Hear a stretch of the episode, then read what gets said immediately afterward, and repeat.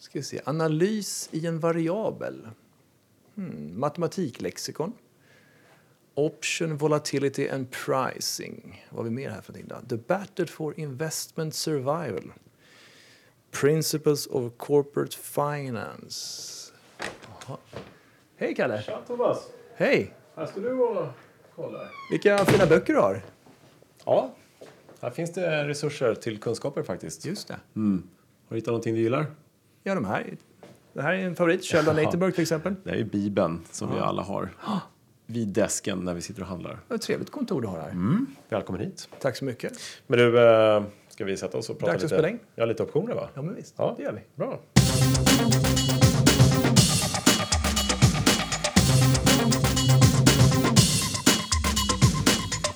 Ja, men välkommen till Optionspodden. Avsnitt 23 där vi ska prata lite grann om strategier som vi kan göra med optioner under rapporttider. Välkommen Thomas Tack så mycket, Kalle. igen Mm. efter din lilla litteraturcheck här. Ja, men exakt. Din Ja. bokhylla var riktigt trevlig tycker jag. Och jag hann ju bara med en liten bråkdel här. Det finns Mm. mycket att titta på. Ja, böcker är bra. Men det, det får jag ta efter avsnittets Ja inspelning här. Det får du göra. Du, eh, hur är läget? Det är bra, tack. Vi har ju haft en ganska turbulent tid om vi kollar tillbaka, i alla fall förra Vi veckan. har ju det. Vi har ju det. Det stämmer. Men Hur- annars är det bra tycker jag. Hur är det själv? Ja, men det är mycket bra. Mm. Det kan absolut inte klaga. Eh, Du, när det blir så här turbulent på börsen, Mm. hur är det då på börsen? Fått någon fråga. Ja, Jobbar du mer då liksom? Ja, det är många som tror det, absolut. Men jag menar, En logisk ju, fråga på något Ja, sätt. men precis. Och absolut, det händer ju mycket mer. Men lyckligtvis så sker ju allting i stort sett via datorer. Så man märker inte av det direkt. Nej, och eh, det är väl mer eh, mäklare och traders som sitter och fokuserar på just börskurserna varje dag. Som Just det. Märker det va? Och vi har ju ett mäklarbord också, där vi båda har jobbat en gång i tiden, faktiskt, Ja, både du och jag. Och sådär. De har ju såklart lite mer att göra. Men oftast är det ju så att när det blir sättningar och så, då sker det mesta i aktiehandeln först.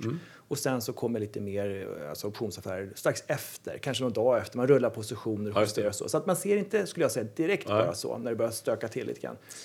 Eh, jag fick faktiskt en fråga, det är ett tag sedan, men eh, du vet ju var de här eh, servrarna finns, liksom. själva hjärtat av om man ska säga, tekniken Mm. på börsen, där allting finns. Eh, när det går ner väldigt mycket, surrar det mer där? så alltså det borde det nästan göra, men det, det är faktiskt en ganska rolig fråga. Ja.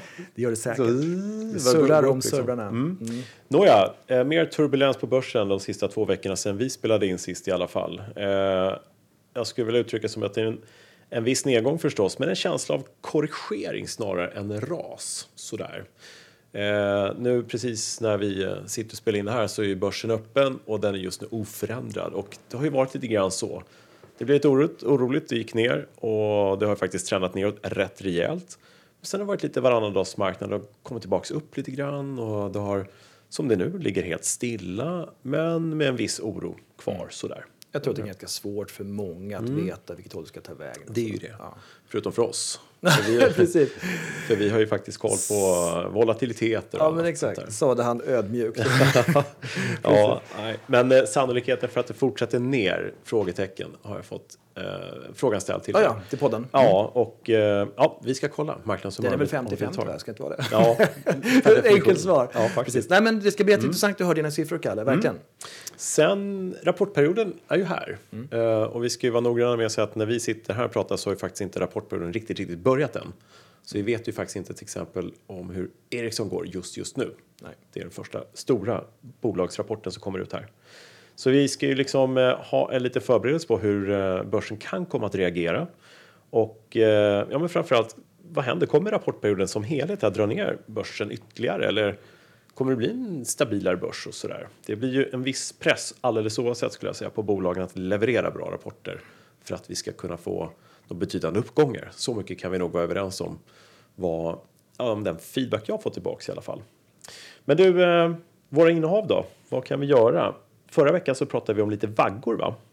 Som en liten typ förberedande strategi inför ja, nuläget. Det Exakt. som kommer nu med rapporterna. Och det var baserat på frågor till podden och det var väl ett läger som kanske var mer neutrala, eller hur? Som sålde en vagga, Mm. kanske mot innehav. Just det. Och de som trodde på lite mera volatilitet och kanske mer nedsida som då skulle köpa Ja. vaggor. Just det. Det var grundstrategin vi pratade om i alla fall. Precis, och vi har för mig att vi nämnde att eh, det mer sannolika var kanske trots allt eh, den här marknadstron på att det kanske ska gå ner snarare än att det ska ligga still eller åtminstone gå uppåt. Och det visar sig ju faktiskt vara ja, men hyfsat korrekt med facit i hand här då. Så att eh, ja, ett antal som har gjort, haft sådana här positioner som eh, vaggor eller till och med strutar sista tiden har ju faktiskt fått ett ganska bra utfall på nedsidan. Ja, precis. Förutsatt att de då har sålt dem också, eller ska säga, gått in och gått ur dem. Och, eller justerat dem kanske. Ja, precis. de har haft en bra målsättning och, Ja, och tagit hem vinst och sånt där. Ja. Det stämmer. Men du, eh, idag tar vi väl vid då vad vi kan göra här och nu lite grann. För om förra veckan var förberedande så kan vi se vad kan vi göra nu om man nu inte har gjort någon vagga.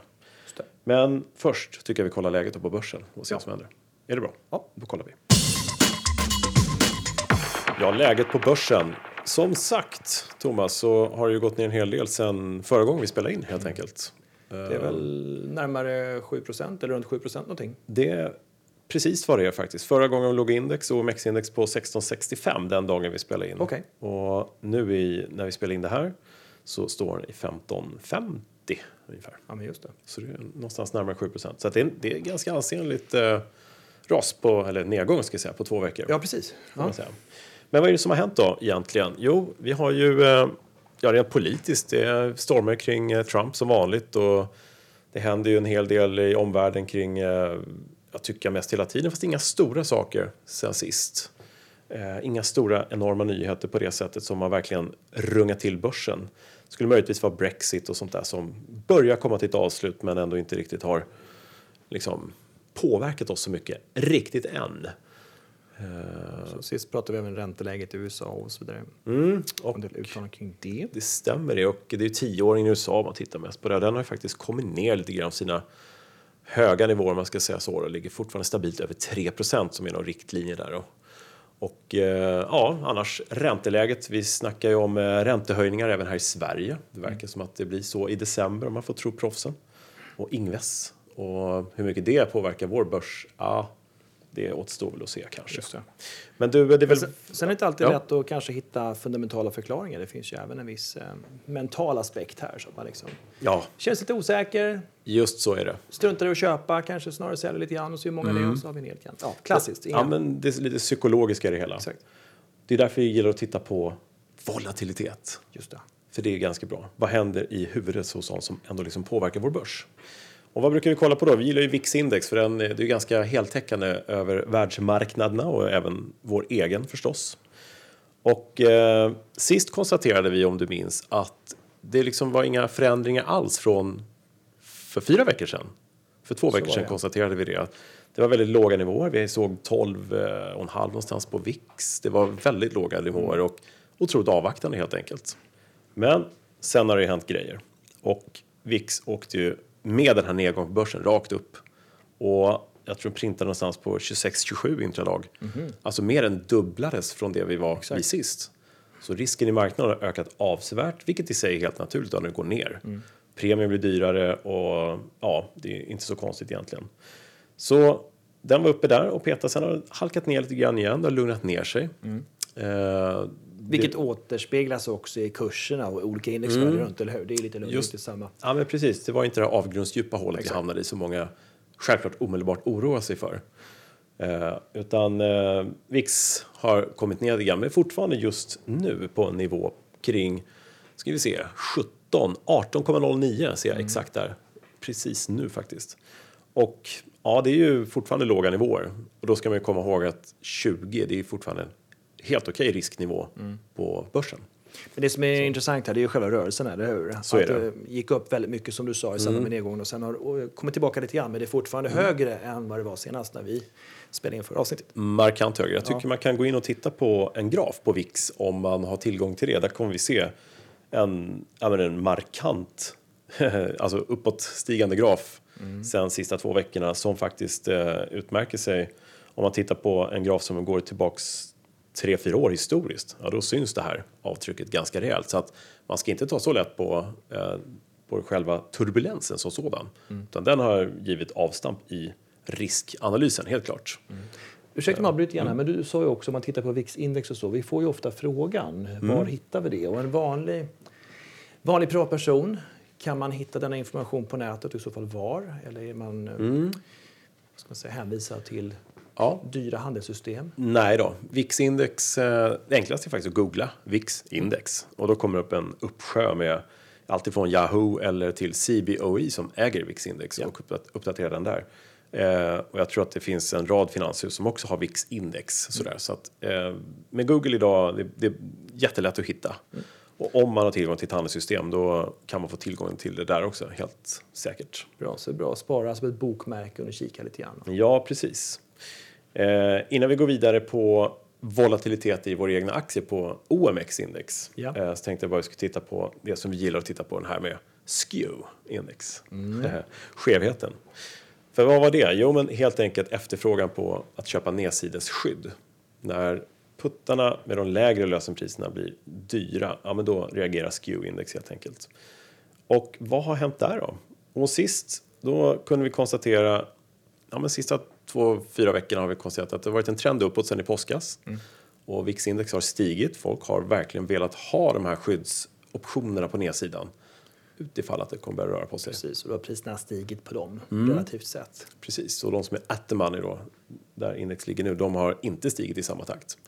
Utan det har varit mycket mer attraktivt att få nedsidesskydd. Så den steg, skewn steg för några veckor sedan. Mm. Ja. Och vad hände sen? Ja, sen kom ju raset. Och då hände en intressant sak. Då tror många att oj, då blir det jättedyrt med, med skydd på nedsidan för nu ska det Exakt. rasa. Det är det logiska. Det är ju ett logiskt tänk. Ja. Det blev precis tvärtom faktiskt. och hur förklarar du det, Kalle? Ja, det här är intressant. Mm, Det är det. Ja, eftersom SKEW nu föll från sin nivå på, vi ska säga det, 145 någonstans var SKEW-index på för ett par veckor sedan. Nu är SKEW-index på 130 nivån från att ha varit ner på så lågt som 125 under det här själva nedåtresan om vi får kalla för det. Och det här indikerar ju bara en sak. Det är ju att volatilitetsnivån mellan at the money och nedsida, den jämnar ut sig. De kommer närmare varandra. Det här smilet vi pratar om, det blir mindre smile, mindre glatt. Ja, mindre glatt, ja, precis. Ja. Ja. Eh, och det indikerar i sin tur att det här köptrycket på nedsidan, det avstannar. Det är, till att börja med kan jag säga att det har bekräftats, marknaden bekräftar att den farhåga som marknaden hade genom att köpa nedsidesskydd, den är bekräftad, det gick ner. Men det är en korrigering i den bemärkelsen att den stora delen av marknaden tror inte att det här ska ner otroligt mycket mer. Så det finns inget behov av ytterligare köp eh, av nedsidesskydd fortsättningsvis. Ja. Man kan säga att man storhandlade, eller hur? Inför en Det nedgång. kan man- det kan man lugnt och så säga. Man, ganska, man klarar sig på det här ett tag. Just så. Så man inte är samma benägenhet att köpa mer och då sjunker priset såklart. Precis. Och det vi kan se, det vi kunde se, jag gick faktiskt ut på Twitter och sa det också. Saken är att man, man blir väldigt orolig när det går ner. Nu tror man nu kommer det stora raset och det har gått upp i åtta år, nu ska det gå ner i nio år och sådär. Men riktigt så illa är det ju inte. Och tittar man på SKEW-index och ser att det går faktiskt ner i takt med marknaden. Ja, då är det faktiskt som så att man kan se indikationer av att köptrycket på nedsidan minskar. Marknaden tror inte på att det behövs skydd på det lite större raset neråt om man ska spekulera det. Utan det, det räcker som det är som det just så. Ja. Och det vi ser nu, nu har det i och för sig gått ner x antal procent, 7 procent sa du väl, någonstans där. Eh, och det är klart vi ska fortsätta hålla utkik på, på SKEW om det blir fortsatt tryck på nedsidan, men just nu är det inte det. Ja, Indikerar att det, korrigeringen kanske är klar för den här gången, just av här och nu i alla fall. just det. Mm. Men jag tror att det är jättebra att lyfta fram det som man ser att det är ett hjälpmedel. Däremot kan man inte följa det slaviskt och ha det som indikator. Men det är ett väldigt bra komplement. att titta på här, ja. Vad som händer i skallen hos de som faktiskt påverkar. Och slutsatsen tycker jag är att det kan vara lite lugnande om man ser att eh, skewen kommer ner. Även om börsen har kommit ner lite grann så tror man inte då som sagt att det kommer falla så mycket mer. Nej, stämmer det. Så är det. Ja, Kalle, nu är jag jättenyfiken på hur siffrorna ser ut vad gäller våra egna papper. OMX Mm. S30 och så. Ja, eh, här kan jag berätta är lite spännande faktiskt. Eh, Låt höra. Ja, Nej, men vi konstaterar att eh, VIX-index har ju stigit Ja. rätt naturligt. Eh, Stigit och fallit tillbaka lite grann, men stigit rejält. Precis, exakt. Eh, Risken har ökat lite i marknaden i takt med nedgången. Ja, just det. SKEW-index har fallit, inte helt logiskt, men då har vi pratat om det. Eh, köptrycket på nedsidan har minskat. Eh, men om vi tittar på vårt eget OMX S30-index Ja. och så kollar vi på implicita volatiliteten där. Skulle man gärna vilja tro att det har gått ner där också. Eller förlåt, gått upp i takt med att marknaden har gått ner. Exakt. Den risken har ökat. Eh, och det har den, men extremt lite. Vad märkligt. En punkt max. Okej. Så sist så var det ungefär 14 procent. Nu är det 15 procent. Inte mer än så. Nej. Vilket kan ju tyckas vara lite anmärkningsvärt faktiskt. Eh, tittar vi över hela linjen på aktierna i OMXS30, alltså våra största 30 aktier eller mest omsatta aktier, så har vi överlag ökad volatilitet och ökad risk. Så är det. Eh, och det är ju som det ska vara lite grann. Alla papper har ju hängt med neråt i mångt och mycket. Precis. Men risken har ökat i stort sett alla papper. Ja. Eh, Som det brukar i en Ja, sån situation. lite sådär. Så om vi tittar på Hennes Mauritz pratade vi om förra gången Mm. och kanske gången innan dess också som ett litet så exempel. Eh, och där har faktiskt risken ökat precis som i övriga papper, men inte mycket alls heller faktiskt. Mm. Här kan jag tycka att det kan vara lite mer naturligt att i ett enstaka papper Mm. kan bli lite mindre ökning av risk eller sådär i och med att har, den har haft sin egen personliga resa så att säga. Ja, exakt. Den rör sig ganska mycket Mm. under en tid ju. Så att det, Precis. Och eh, det är klart att Hennes Mauritz är indextung och påverkas ju av raset, vilket vi ser här. Det har ökat ja, från 30 procents implicit volatilitet, vilket är rätt högt generellt kanske man kan tycka, till ungefär 35 nu då, 34-35 där någonstans. Eh, och ja, som sagt, rätt naturligt för just Hennes Mauritz som har haft sin resa neråt från höga nivåer och sen så fick den en studs upp här för bra rapport och sådär och nu har den ökat lite i risk i takt med marknaden. Helt naturligt. Men jag sa att det var lite andra konstiga saker. ja, nu får du berätta. Ericsson, vårt fina papper, kommer rapportera de närmsta timmarna, men vi vet inte än någonting här och nu om Ericssons rapport. Nej. Vad brukar hända med den implicita volatiliteten inför rapporter? Det brukar ju stiga. Ja, det var ju det vi pratade om förra veckan. Och eh, i nästan alla rapporter som sagt så har det stigit i, för, alltså i takt med risken men även skulle jag säga för att det är rapportperioder som kommer och man vet inte vad de kommer föra med sig. Ericsson, förra veckan hade vi ja, någonstans närmare 50% implicit volatilitet. Ganska högt, men Ja, det är typiskt Ericsson. Har fallit med 8 punkter till just nu. Där det är någonstans 41,5-42 procent. Okej. Marknaden drar alltså ner risken i Ericsson som bolag under, ja, under de senaste två veckorna med 7 punkter. Vilket är lite anmärkningsvärt kan man tycka. Det här, både Index och Ericsson så är det ju inte några direkta skolboksexempel som du berättar här. Nej, eller hur? det är det ju inte. Nej. Eh, och uh, det här kan ju vara en liten indikation då på att om man ska ta någon gängse förfarande så går ju börsen ner och då går risken upp och går börsen ner väldigt mycket, ja men då går risken upp väldigt mycket och så går det hand i handske. Men nu har vi haft en så pass lång uppgångsperiod bakom oss och en ja, men två veckors nedgång som ändå inte har varit så väldigt i paritet med uppgången stor. Och då blir det kanske lite slagigt så här mellan riskanalyser mellan de olika market makersna sitter och, och värderar och enskilda bolag som Ericsson här så ja, då kan det ju då vara en indikation på att vi har fått se någonting Ericsson som som vi är nöjda med så här långt och vi kanske inte har så stora förväntningar just den här gången på den här rapporten Q3. Det är lite diskonterat säger du? Lite så Ja. skulle jag tolka det som. ja. Allting kan komma att ändras närmsta timmarna när Ericsson kommer rapport förstås. Ja, men vi får se. Eller så är det en väldigt, väldigt bra rapport som marknaden förväntar sig. Så vi får se. Vi kan säga att Volvo har ju också varit haft lite, ja men, ja, det var lite avgasreningsproblem där med det, eh, så- lastbilarna va? Uppdags det var ju Så det blev lite reaktion. tidigt denna vecka va? Mm. Men även där har vi sett en nedgång i den implicita volatiliteten.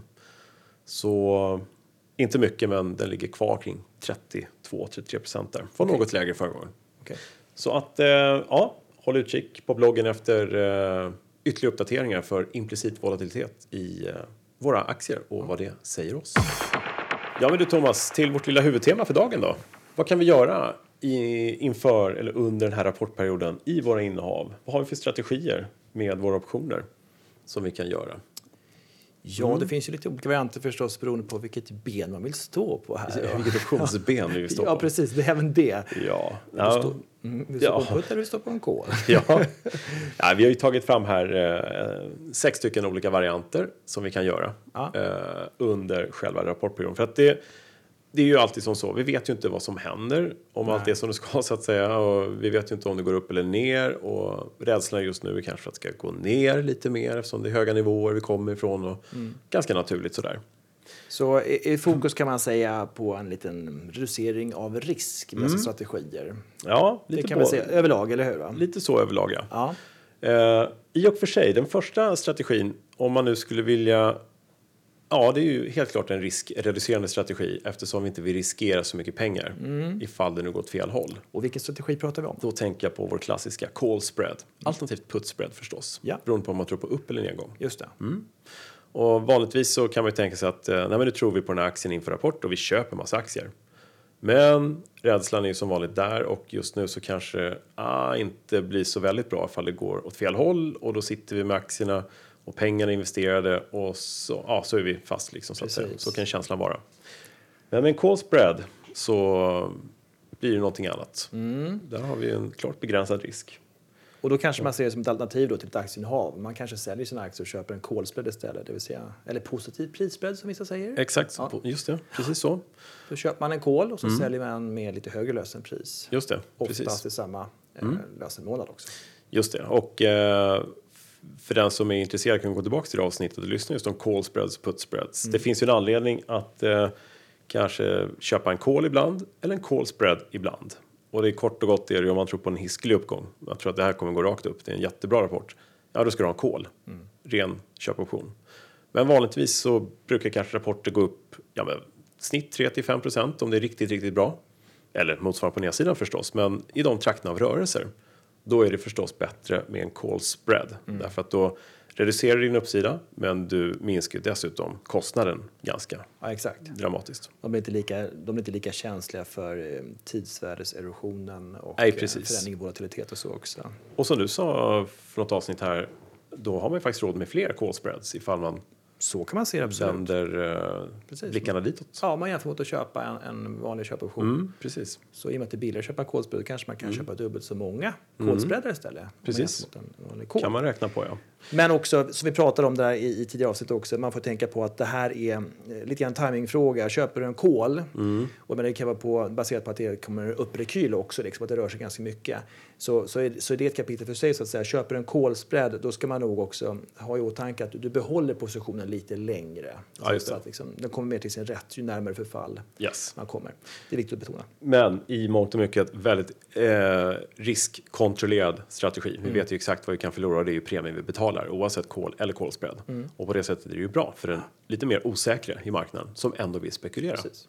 Och sist men inte minst avsnitt nummer fem kan man gå tillbaka till, till om man vill lyssna på allt om bra. call spread och Ja. put spreads. Mm. Toppen. Det är det som är bra och, just det, putsbredden här, i det här sammanhanget, hur tänkte du där? Skulle man kanske komplettera ett aktieinnehav med putsbredden eller spekulerar du bara kanske nedgång då? Eller? Jag tänker mig både och. Ja, eh, man kan ju självklart gå in och pinpointa aktier man inte äger på index till Mm. exempel och tro kanske på att den här ska ner eller den ska upp eller den blir, rapporten blir bra eller dålig beroende på vad man tror. Mm. Och då går det bra förstås att köpa bara en call spread eller put spread, Just det. upp eller nedgång.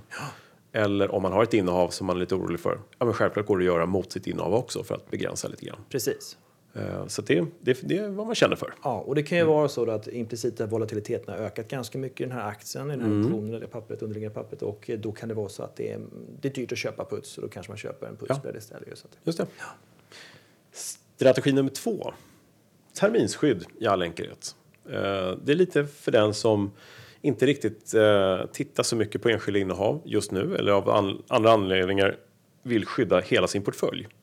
Och eh, ja, det gäller förstås att man har en hyfsat väl diversifierad portfölj som följer index. De flesta portföljer gör faktiskt det tycker jag. Om man inte är väldigt, väldigt inriktad på en sektor eller någonting i sin portfölj. Men i det här fallet så är det ju bara att man, man säljer terminer mot sin portfölj helt enkelt. Man räknar ut värdet och sen så har man ett bra skydd på nedsidan. Och då brukar det funka ganska bra oavsett hur det går under hela rapportperioden eller delar av den.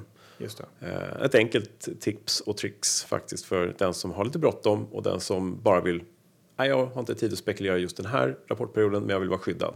Jag vill spara mina pengar. Termins, terminshandel är bra. Neutral eller flat som man säger. Ja. Och där bör man titta kanske på ett betavärde också om man har portföljen. kan man läsa mer Just om. det. Vilken korrelation man har helt enkelt med index. Hur, hur aktien rör sig i förhållande till index. så att Ja, precis. just och sen ska man också tänka på då att eh, terminen, alltså säljer du en termin då som var aktuellt i det här Mm. fallet, så begränsar du uppsidan helt. Så det är som att kliva av helt. Det, det är ungefär Ja, som att du skulle om- kunna sälja hela portföljen lika gärna. Liksom. det är det som är tanken. Lite så. Om du inte har en stor portfölj som kräver flera terminer då kan du välja lite grann. Ja, Förstås. men precis. En, en, en, en vad ska jag säga, begränsad hedge. Ja. Ja, precis. Så, så kan man göra. Men man kan lyssna mer om terminer i avsnitt nummer ja, Nej, jag kommer inte ihåg. 13. 13. Ja, avsnitt nummer 13. Där, ja. Strategi nummer tre. Eh, och det här är lite för en mer defensiv då, men som fortfarande vill vara med. Det är många här ute har jag märkt i finansmarknaden som håller på med börsen som gärna vill äta kakan och ha den kvar. Säger du det? Ja, jag är ja. en av dem till exempel. Ja, men inte det. Eh, nej, det här handlar om att eh, det kan kännas rätt ibland att sälja sin innehav och ta hem likviditeten så att säga och eh, säkra den eller stoppa den Verkligen. i andra former där man är mer trygg. Just nu. Och, Du brukar säga det på många kloka sätt, men du pratar om girigheten, when is it Ja. enough, alltså när det är tillräckligt och sådär. Och, Just det. Och, menar, det är en fråga man ska ställa sig. ja. Eh, men vi ska ju inte bara sälja innehavet och ta hem likviditeten utan vi vill fortfarande vara med. Mm. Så för en liten, liten del av den likviditet vi får hem så köper vi en kol. Och då är vi fortfarande med, då är vi fortfarande lång innehavet Mm. under, ja vad man nu önskar, en eller två månader kanske. Precis. Lite samma tema här som den första strategin vi pratade om, kolspreaden Mm. här ju, eller hur? Man kan ställa in allt och köpa en kol om man kanske tror på att det rör sig lite mer Ja, än kolspreaden då. Ganska enkelt eh, egentligen faktiskt. Och sälj, säkra pengarna, men köp en kol. Du är fortfarande med.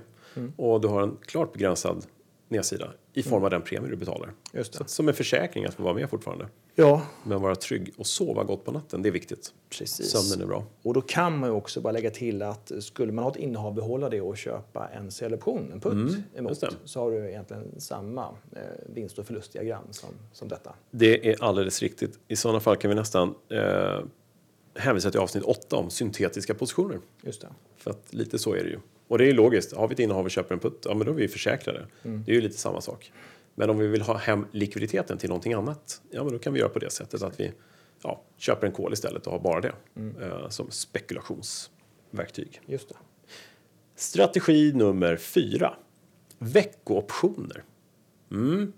Det här tyckte jag var rätt bra, för jag gillar veckooptioner. Och eh, ja, men lek med tanken att vi kanske tror nu att inför rapporten i Ändra pappret, som Ericsson så kommer här, så är vi lite nervösa att det ska gå ner, möjligen. Och då säljer vi alla våra Ericsson-aktier. Vi köper en kol, det har vi precis sagt. Men vi kan köpa en kol, en veckooption, som är väldigt kort. Och i det här fallet kan vi faktiskt köpa en, en option som löper en dag. Det är i och för sig de som förfaller fredagen här den 19, eh, vilket är typ precis i dagarna när podden kommer ut. Eh, det är ju faktiskt de ordinarie optionerna. Men vi har ju optioner som förfaller om en vecka, två veckor, tre, fyra och eventuellt fem veckor. Det är ju veckooptionernas fördel att man kan hitta lösendagar alla fredagar. Just det. Och med kortare löptid betalar vi mindre premium. Så... Men det kan vara jätteroligt att ta ett litet bett om man säger så. Mm. Ja. Timingen där är ju otroligt viktig förstås. Men har man rätt där så blir det en enormt fin hävstång. Ja, det kan ju bli det. Och på kort tid också. Eh, så, som sagt, eh, man kan gå in i de här veckooptionerna dagen innan rapport eller någonting så gör man det optimalt. Just det. Och man kan ju alla strategier förstås med veckooptioner, inga konstigheter. Bara att det är kortare tid. Ja, exakt. Ja, Ja, och sen köpta putten berörde jag redan egentligen, eller hur? Ja strategi nummer fem här. Ja. Köpt putt. Och det har Precis. förstås sagt som en försäkring. Eh, och det ska vi bara säga då, eftersom vi har konstaterat att volatiliteten har stigit och riskpremien så att säga stigit och gått upp så är det ju lite dyrare krona för krona att köpa optioner nu. Mm. Om man nu vill ta någon hänsyn till det, men det Just är det. värt att nämna.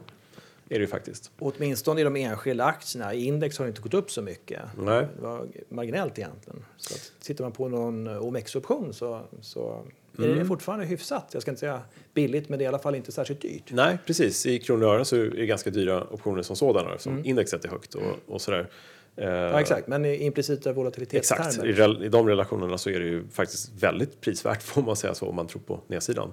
Vi ska säga att man kan också köpa en putt till sin covered call om man har gjort sådana och då får man en fens Ja, just det. till exempel. Exakt. Eh, vi kan också göra en puttspread, det har vi varit inne på redan. Ja. Så allting kommer tillbaka ihop här. Det är Ja, precis, det dyker upp olika lägen, Ja, olika tankar det. och då finns det ju många olika varianter man kan välja bland. Och. Du vet, jag har ju en liten favorit. Ja, prata om. Ja. strategi nummer sex. Jag tänkte att vi ska ta den sista av alla här. För att det är, jag tror att de som har hängt med oss från början, de vet exakt vilken strategi vi pratar om när vi säger din favoritstrategi. Ja, men exakt. Jag tror nog det. Jag har väl tjatat väldigt mycket om det där. Men det är den här um, ratio-spreaden mot innehav. Ratio mot innehav. Ja, och det fina med den, då, då, ja, vilket avsnitt var det tror det, det kommer jag inte ihåg på raken, men det kanske du kommer ihåg. Men under tiden kan jag i alla fall eh, bara säga att då köper man då kanske en...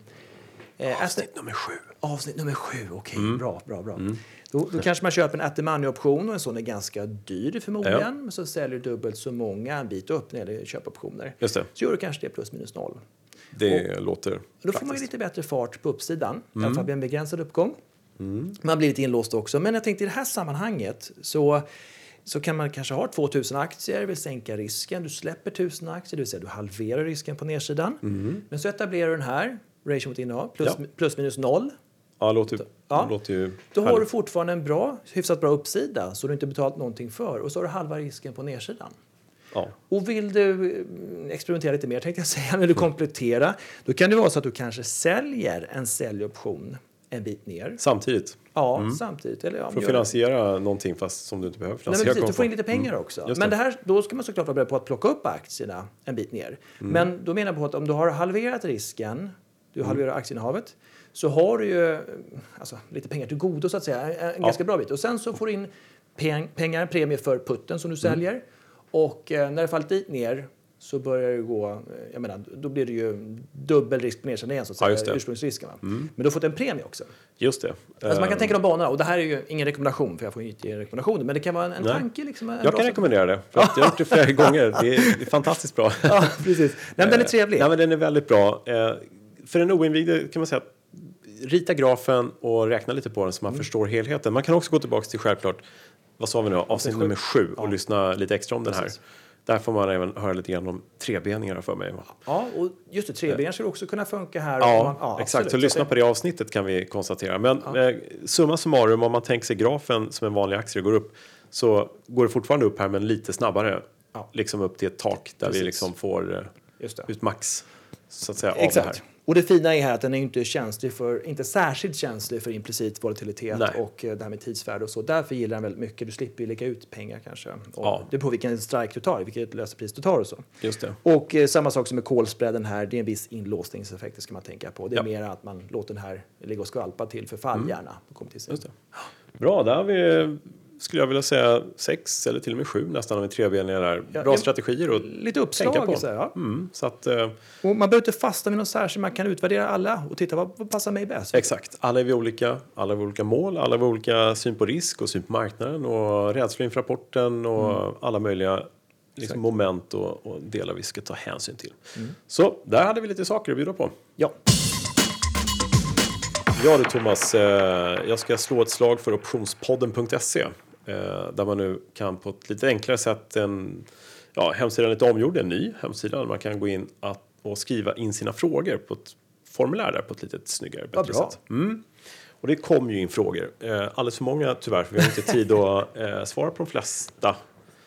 Men vi tar några stycken som är snarlika eh, som kommer i olika omgångar. Så det är många som har frågat vad hände med testoptionen? Det var länge sedan den levde va? Ja, Det måste vara hundra år sedan. Mm. ja, jag tror inte att den har funnits i bruk hos oss på i alla fall eh, 12-13 år kanske. någonting Nej. Sånt där. Jag jag lite. Ja, Men jag kom till börsen för 11 år sedan och um, då fanns det väl inte på plats jag nej. Jag kommer på 90-talet så fick man eh, prova den där. Fyller man i papper och sådär. Och så fick man ett brev hem i brevlådan. Det visar hur det hade gått. Jag tappade 100 procent på min option. Jag köpte en massa grejer på index. Men det var rätt intressant att Ja. se. Nej men precis. Men jag kan säga så här, det finns ju lite saker vi tittar på också just nu. Mm. Eh, Och det är klart att det kommer ta ett tag innan de skulle kunna komma ut i så fall, lanseras. Men vi kikar på lite olika saker så För allt, vi kan... allt annat lika skulle det vara kul att ha någonting sånt. men man kan verkligen. testa och man kan liksom provhandla och sådär. Man lär sig väldigt mycket på det. Mm. Gör man. Ja, men Absolut. det är ganska bra. Eh, det här är egentligen en mäklarfråga, men den har kommit rätt mycket. Jag ska ta den lite snabbt. Eh, är det någon skillnad mellan att handla optioner på ett ISK kontra ett vanligt eh, fondkonto eller vanligt eh, depåkonto? Eh, och ja, eh, vissa banker har ju möjlighet att handla derivat på ISK och vad jag förstår så ska det bli fler. Och där drar man ju fördelen av en eh, schablonskatt så kallad under året istället för att man ska få skatta på alla vinstaffärer. Ja. Men man får heller inte göra avdrag för sina förlustaffärer då ska vi ju precis. tillägga. Och där är ju samma sak som för aktier. Jag tror att jag har hört en siffra att mellan, om det är åtta eller nio konton som öppnas, nyöppnade konton, så är, Mm. Ja. så är det IS-konton av tio alltså. Ja, just det. Så det är en klar majoritet. Sen kan man, precis som du var inne på här, alla banker tillåter kanske inte det ännu, men många jobbar på det. Vet jag. Och det är jättepositivt, för många efterfrågar det här. Man vill ju gärna kunna handla på ett ISK-konto. Det är så skönt att slippa deklarera och det kan vara väldigt fördelaktigt också skattemässigt som du säger, slippa skatta på, Ja. på vinster och så. Nackdelen då att man inte kan göra avdrag för förluster och så. Men, så att, så att, eh, och sen är det kanske några, jag är inte helt insatt i allas villkor, vissa kanske bara tillåter covered calls på ISK-konto, Mm. Ja. medan vissa kanske tillåter allting. Ja. Men det kan vara då um, vissa skatteaspekter där, vad som Mm. betraktas som insättning och vad som betraktas som Ja, vinster och sådär. Så det, det där tycker jag att det är helt rätt att hänvisa till banken eller Sin- fondkommissionen. Ja, mäklaren kan svara på det allra Precis. bäst. Ja. ja du Thomas, eh, varje gång så konstaterar jag att tiden går alldeles för fort. Eh, vi skulle kunna sitta och läsa frågor och eh, dra strategier och eh, sådär. Ja. Ja. Jag ser att du har en hel bunt här med frågor. Så. Ja. Men eh, vi ska försöka hålla tiden kanske lite. Ja, det är ju lite så. Eh, vi är strikt hårt hållna att hålla oss inom ramen för vad våra lyssnare orkar få genom sina öron. De har redan ledsnat. Ja, förmodligen. Det är ingen som hör vad vi säger längre. Eh, men eh, jag ska säga så här att eh, glöm inte bort optionspodden.se för fler frågor trots allt ändå. Och glöm inte bort optionsbloggen.se. Twitter finns jag på. Men nu går jag hälsan lite grann i förväg här därför att vi har ju också dagens kloka ord. Va? Det måste vi ta. Låt höra, Kalle. Ja. Nej, men, vi hade ju den här Warren Buffett. Och han säger så här. Risk comes from not knowing what you are doing. Han är en kunskapens utövare. Ja, nej men verkligen. Ja. Ja, det har vi berört tidigare också. Men vi har pratat om att många tror att optioner är livsfarliga. Och så. Mm. men, men det är inte optionerna i sig, utan det är helt enkelt handhavandet. Och, och, Och kunskapsnivån. såklart. Ja. Så att optioner kan bli din bästa vän. Så är det bara. Kunskaper som alla borde ha. Mm. Oavsett om man handlar med optioner eller inte brukar jag ju säga. Eh, Och sen vill jag flika in också bara här. Vi pratar ju om en del kanske lite mer avancerade saker, vissa begrepp och det är de här grekerna, implicit volatilitet och sådana Mm. saker. Men man behöver ju inte misströsta för att göra till exempel en covered call. Man behöver bara fråga sig, är jag nöjd att få in den här premien? Är jag Ja. nöjd att sälja mina aktier där? Bra, då kan jag göra en covered call. Sen visst, jag, jag sålde inte mina optioner när det var högst implicit volatilitet. Men Nej. det var inte hela världen. Jag är nöjd just på den. Så jag tycker, man behöver inte komplicera det för mycket heller. Nej, och man kan inte träffa alla toppar och dalar Nej, hela tiden. Det går inte. Men det viktiga är att förstå hur optioner fungerar, Mm. hur pass dynamiska de kan vara beroende på olika saker. Ja. Som sagt, grekerna inte minst då såklart. Och vad som händer, händelser och hur de kan värderas om lite grann inför rapportperioder och andra Mm. viktiga och, och kanske vad ska man säga, grejer som gör att folk blir lite rädda för nedgång. Och, Mm, just det. Så är det. Ja, nej men eh, vad bra. Då har vi fått allt från kloka ord, bra strategier. Vi har gjort en eh, bra bedömning om hur marknaden mår och vad som händer, volatilitetstermer. Och vi har gått igenom åtminstone ett par frågor som har varit väldigt återkommande om man får säga så. Då. Så det kommer mer. Så du, eh, nu drar vi inte över tiden längre utan eh, får tacka så mycket för idag igen. Och vi återkommer om ett par veckor till då. det ska bli spännande att se hur rapporterna landar nu Ja, här också. precis. Och vad vi kan hitta på fram till nästa gång helt Ja. enkelt. Ja, men tack så mycket. Du, vi hörs. Ja, ha det bra. bra. Hej. hej, hej.